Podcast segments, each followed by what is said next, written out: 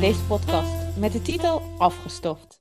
Leuk dat je de moeite neemt om het komende half uur kennis te maken met het vak van de specialist oudergeneeskunde. In deze podcast gaan we samen het gesprek aan over het wel en wee van ons vak. En van waar de titel Afgestoft? Nou, we willen met deze podcast het imago opkrikken en afstoffen van het beroep van de specialist oudergeneeskunde. En laten zien dat het een prachtig beroep is, het beroep van de toekomst. Nou, en hoe kunnen we ons publiek nou beter bereiken dan via een digitaal kanaal?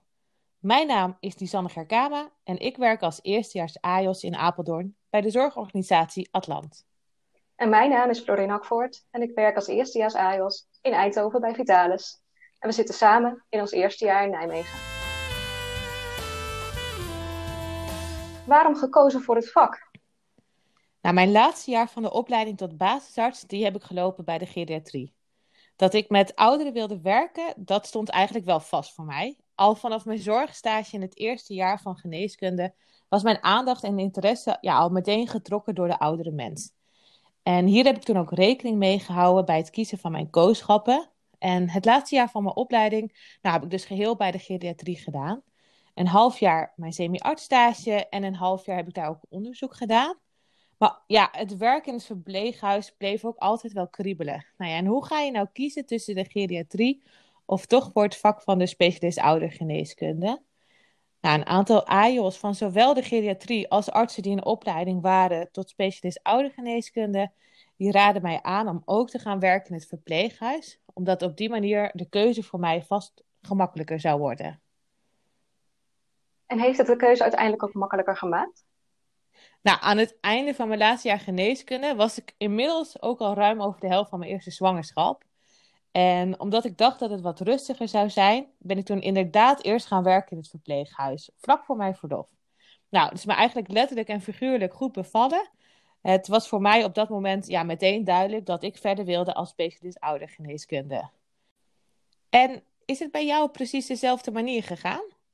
Nee, nou, dat gezinnetje is er bij mij nog niet. Maar ik heb twee jaar in het ziekenhuis gewerkt, zowel op de cardiologie als op de spoedeisende hulp. En met de insteek voor huisarts te gaan, ben ik in het verpleeghuis terechtgekomen, ook voor wat extra ervaring. Werken in een kleinschalige praktijk in een kleine stad of dorp als huisarts, met een klein en fijn clubje collega's, waar je de patiëntengroep ook goed kan leren kennen en langere perioden voor ze kan zorgen, dat was wat ik wel zitten zag. Maar als ik terugkijk, wist ik eigenlijk al veel langer dat ik met de ouderen de meeste affiniteit had. Ik had net als velen in de zomer wat bijbaantjes in de thuiszorg en in het verpleeghuis. En dat vond ik eigenlijk altijd super leuk om te doen. En met name ook heel dankbaar. Maar waarom dan toch huisarts? Ja, zo had ik het uitgestippeld. Dus dat was mijn doel.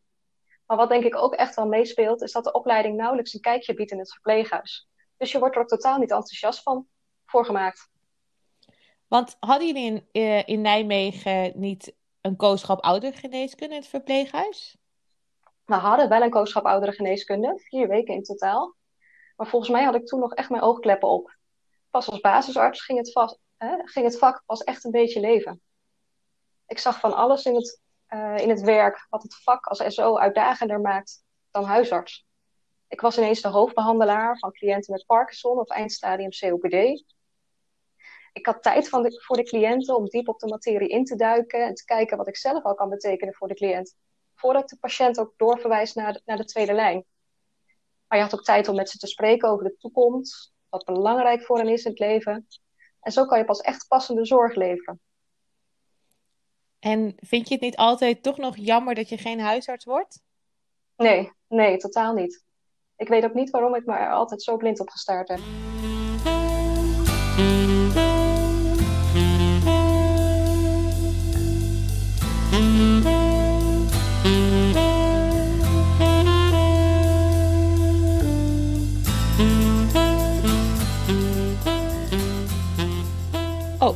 Misschien is het, uh, is het wel leuk om een kijkje te geven in een dag als AJOS oudergeneeskunde. Ja, ja, goed idee. Want hoe zag jouw dag er vandaag uit? Maandag is altijd een erg leuke dag. Ik begin altijd met visite op een van mijn uh, afdelingen. Wat inhoudt dat ik op de afdeling langs ga en met de zorg wat punten doorspreek die geëvalueerd moeten worden. Het kan eigenlijk van alles zijn, van medicatieveranderingen tot nieuwe lichamelijke klachten. Maar ook is dat het moment om bij patiënten langs te gaan als ze de arts graag willen zien. Eigenlijk net als bij de huisartsenconsult. En voor wat voor zaken willen ze je dan graag spreken? Ja, dat kan eigenlijk van alles zijn. Pijnklachten, huidafwijkingen, niet fit zijn, tot gewoon even een gesprekje. Ja, En dat is het leuke, hè? Daar heb je dan gewoon ook even de tijd voor. ja, ja.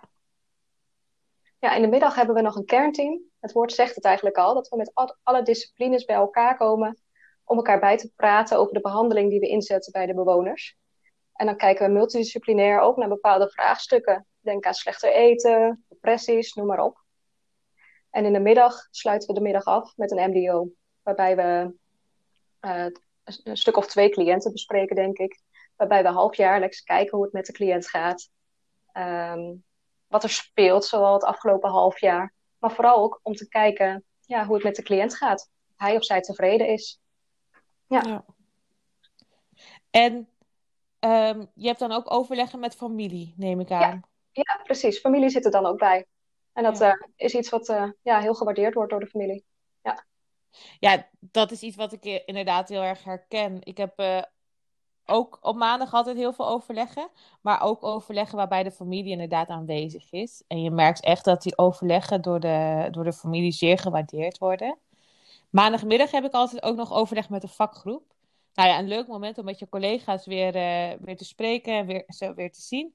Maar ook een moment eh, waarin we de belangrijke zaken bespreken die spelen binnen het vak en binnen onze vakgroep. Ja, ja, erg leuk. Want je hebt het over de vakgroep, hè? Want wat ben je nu eigenlijk al zo? Ja, dat, dat is een vraag die we inderdaad vaker krijgen. Nou, het is eigenlijk zoveel meer dan alleen maar een dokter zijn.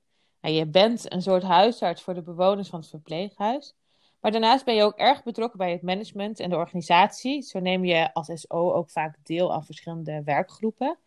Nou ja, we hadden het net ook al over, eh, je werkt in een multidisciplinair team. En van het team ben jij de hoofdbehandelaar. En het team bestaat uit onder andere fysiotherapeuten, ergotherapeuten, een logopedist, een diëtist. Nou, daarnaast heb je vaak ook een nauwe samenwerking met de psychologen. Ja, dus eigenlijk is als SO, je bent zoveel meer dan alleen maar een dokter. Ja, ja, klopt. En wat zijn nou dan taken waarvan je van tevoren niet gedacht had dat deze erbij zouden horen?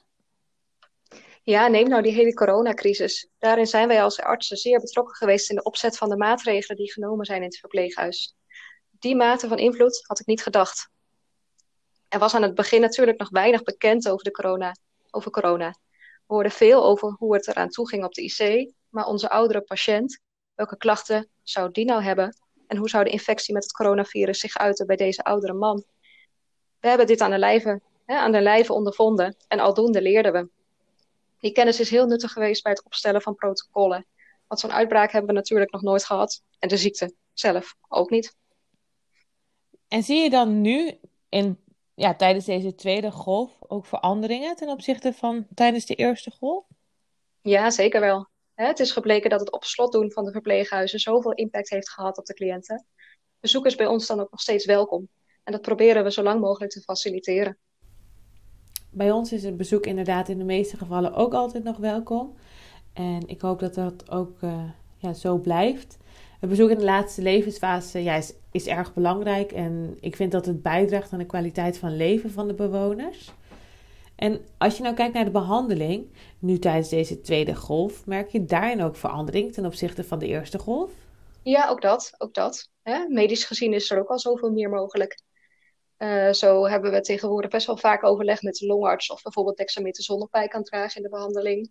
Eh, maar ook tromboseprofilax is iets wat we nu beter weten in te zetten dan in de eerste golf. Ja, Ja, we hadden ook eh, bij ons vakgroep overleg afgelopen maandag hadden we het ook over de, ja, de meest recente landelijke adviezen wat betreft de behandeling, maar ook qua isolatie en quarantaine en ja, hoe we deze landelijke adviezen nou het beste uit kunnen rollen binnen onze eigen organisatie. ja. ja.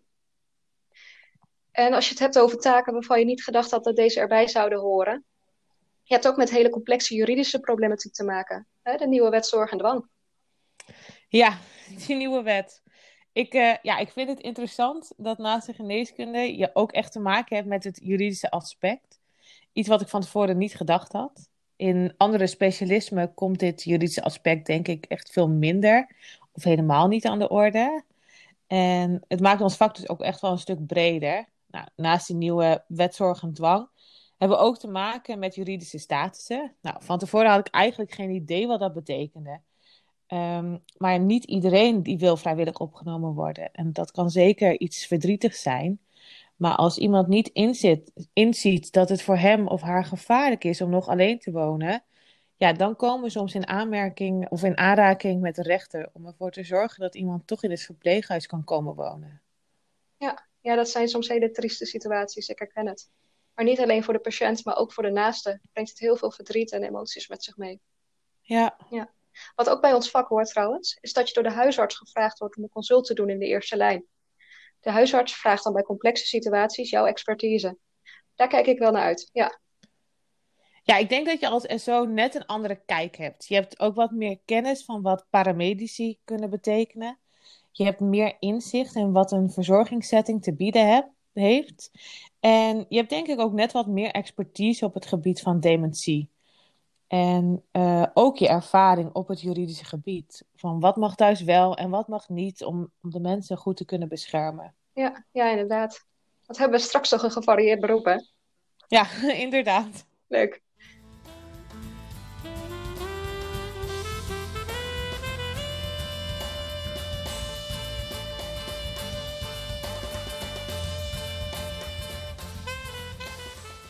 Volgens mij gaan er ook veel vooroordelen de over het vak van specialist oudergeneeskunde. En nou ja, wat klopt er nou van al die uh, vooroordelen die er bestaan? Ik kan er wel een, uh, een aantal bedenken. Bijvoorbeeld pap en nat houden? Ja, ja, dat is een goeie.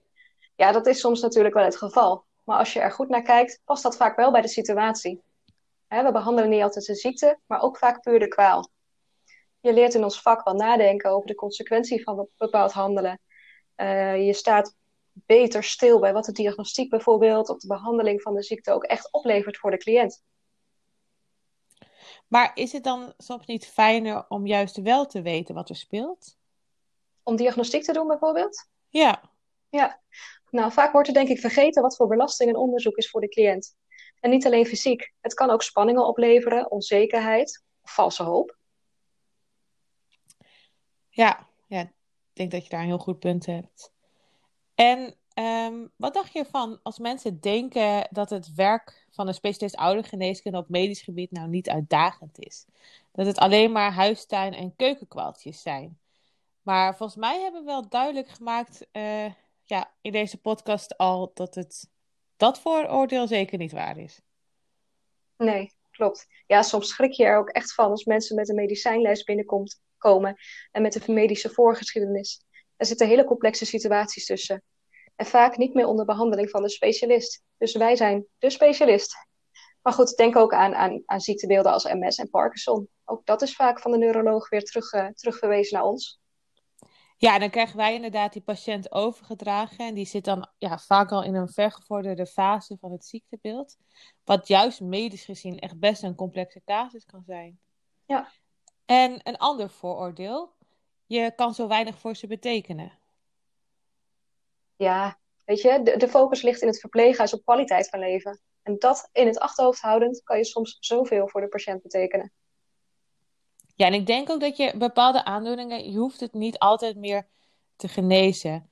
Maar juist richt je er alles op om dat laatste stukje van het leven, om dat zo aangenaam mogelijk te maken. En buiten dat, je hebt in ons vakgebied ook de geriatrische revalidatie, waar oudere patiënten tijdelijk worden opgenomen, uh, na bijvoorbeeld een ziekenhuisopname. En die worden juist getraind om daarna weer terug naar huis te gaan. En als we het hebben over het vooroordeel dat we in het verpleeghuis alleen maar levens aan het rekken zijn. Ja, als je in je kring, kring rondvraagt, zul je vaak te horen krijgen: hè, als ik in het verpleeghuis terechtkom, dan hoeft het voor mij niet meer. Maar weet je, eenmaal in zo'n situatie terecht te zijn gekomen, zie je dat ook veel mensen hun grenzen verleggen. Er zijn zoveel andere kleine dingen waar men hè, geluk uithaalt. Behandeling van een longontsteking kan dus wel het leven verlengen, maar we zullen zeker niet onnodig, dan wel hè, ongewenst voor de cliënt, het leven rekken. Rekken is echt niet het goede woord. Nee, nee. nee. En nog zo'n term. Grijze wollen sokken? ja, dat klopt. Nee, dat is echt wel de bekendste voordeel. Maar ik denk dat tijden echt zijn veranderd. Ja. Kom maar eens kijken in het verpleeghuis. En nog zo'n eentje. Lieve oude de, de lieve oude demente dametjes. Ja, nou, ik denk dat bij dementie, ja, er komt eigenlijk zoveel meer kijken dan alleen vergeetachtigheid. En de ene dementie is de andere ook niet. Ook de persoonlijkheid kan veranderen en de emoties van een cliënt. En een fase waarin de cliënt beseft dat hij de zaken niet meer kan, ja, dat kan ook juist tot heel veel frustratie leiden. En daarnaast uh, ja, kunnen er ook hallucinaties en wanen ontstaan bij de dementie. En daar kan de cliënt ook heel erg veel last van hebben. Dat vergt dan ook vaak een uitgebreide analyse door ons, maar ook door de psycholoog. Dus ja, ik denk niet dat we meer enkel te maken hebben met deze lieve oude dametjes met dementie. Ook al zitten die er soms ook nog wel tussen. Ja, klopt. klopt.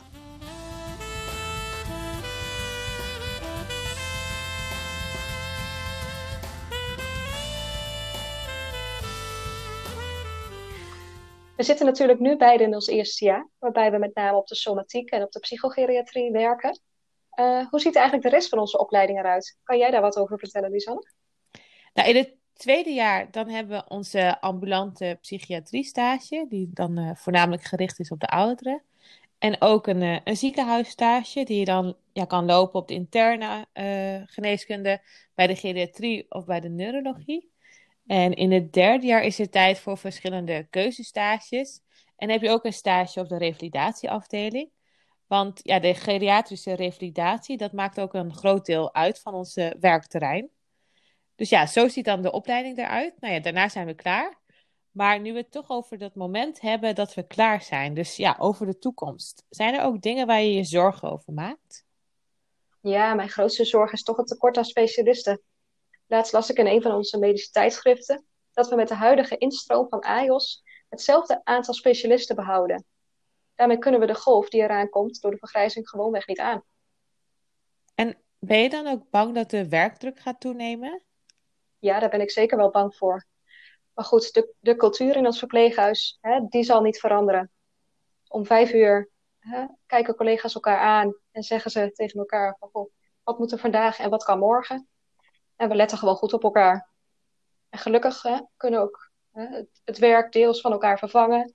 Als er een nieuwe opname komt of een patiënt gezien uh, moet worden. Uh, ja, we doen het samen. Dat is heel erg fijn. Ja. En jij? Nou, Heb jij nog ergens zorgen over? Ja, waar ik me ja, zorgen om maak is dat ik vind dat er altijd nog erg weinig onderzoek gedaan is naar de oudere patiënt. Uh, Ik merk gelukkig wel dat, het steeds, dat er steeds meer aandacht voor is. Want ook ja, voor de zorg van de ouders is het belangrijk dat er goed onderzoek gedaan wordt. Ja, ja dat herken ik wel. gelukkig komen er steeds meer richtlijnen gericht op de ouderen. Maar veel besluiten worden ook nog genomen op basis van veel ervaring. Ja. Zonder dat daar wetenschappelijk bewijs is. Ja.